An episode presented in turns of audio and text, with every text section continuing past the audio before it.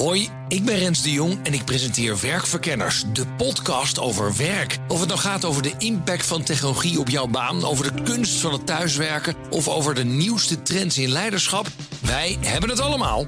Luister iedere dinsdag om 3 uur naar BNR of wanneer maar wil op je favoriete podcastplatform.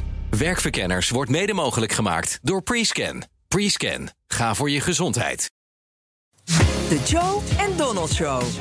We gaan naar onze correspondent Jan Posma in Washington. Hij volgt het laatste campagnenieuws in de VS voor ons. Nog één weekje te gaan tot de verkiezingen. Jan, een heel goedemiddag.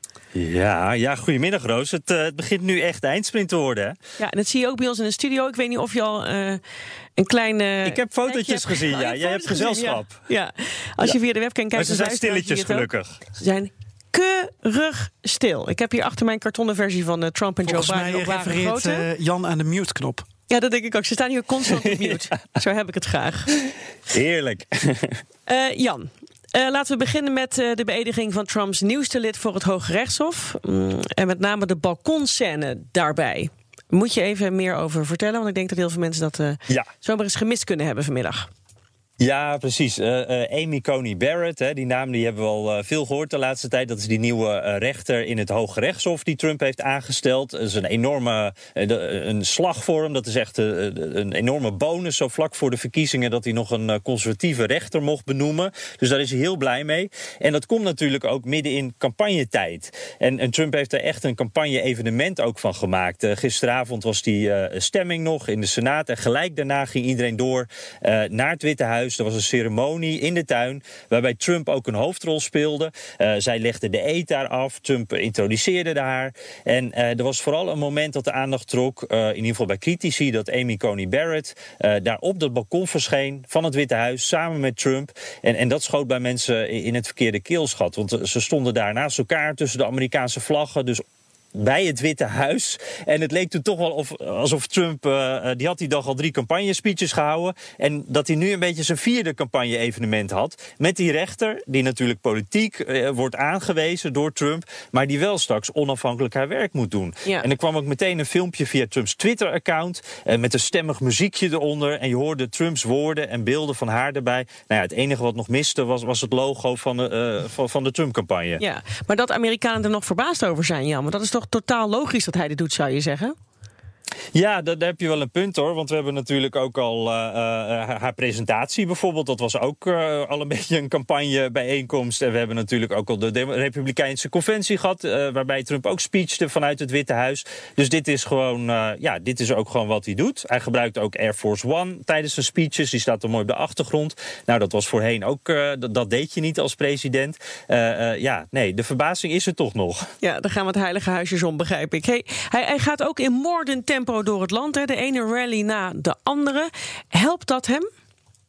Ja, dat is uh, wel een hele interessante. Want als je het aan Trump vraagt, natuurlijk wel. Uh, maar er wordt wel wat getwijfeld. De, de Trump-campagne zegt: ja, we krijgen hier heel veel kiezersinformatie mee binnen. Hè, dus allemaal telefoonnummers, allemaal mensen die we zo kunnen bereiken. Dus dat levert echt wat op. Donaties ook. Uh, Trump zelf ziet het ook als een soort validatie eigenlijk. Dat, dat de peilingen niet kloppen. Kijk maar, bij mij staat het altijd vol. ik ben heel populair. het kan helemaal niet kloppen dat ik achter sta in de peilingen.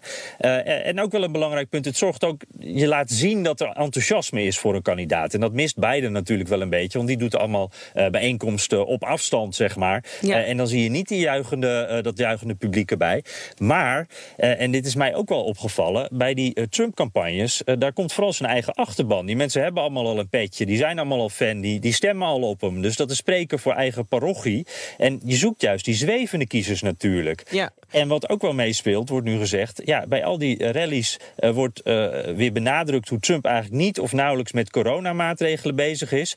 En dat zou juist voor die zwevende kiezer wel weer een, een onderwerpje kunnen zijn dat ze juist denken: wacht even, uh, hier wil ik helemaal niet bij horen. Ik moet het nog heel kort even met je hebben over um, Joe Biden, anders komt hij helemaal niet aan bod. Ja. Die krijgt een paar miljoen extra van uh, miljardair Mike Bloomberg. Hè. Gaat hem dat helpen? Ja, dat, dat, uh, dat gaat hem zeker helpen, want geld is altijd welkom natuurlijk. Uh, en hij gaat in een paar swing states, dan gaat hij 15 miljoen dollar doneren. Dat wilde de Biden-campagne ook heel graag. En uh, welke staten dat zijn, dat is wel opvallend. Ohio en vooral Texas. Want Texas is een oh, republikeinse ja. staat, maar ze staan dicht bij elkaar in de peilingen. En Bloomberg heeft blijkbaar, dat is een man van de cijfertjes... Hè, die heeft blijkbaar ook wel aanwijzingen dat de democraten er toch een kansje maken. Jan, dankjewel. Hoi, ik ben Rens de Jong en ik presenteer Werkverkenners, de podcast over werk. Of het nou gaat over de impact van technologie op jouw baan, over de kunst van het thuiswerken of over de nieuwste trends in leiderschap, wij hebben het allemaal. Luister iedere dinsdag om drie uur naar BNR of wanneer maar wil op je favoriete podcastplatform. Werkverkenners wordt mede mogelijk gemaakt door Prescan. Prescan, ga voor je gezondheid.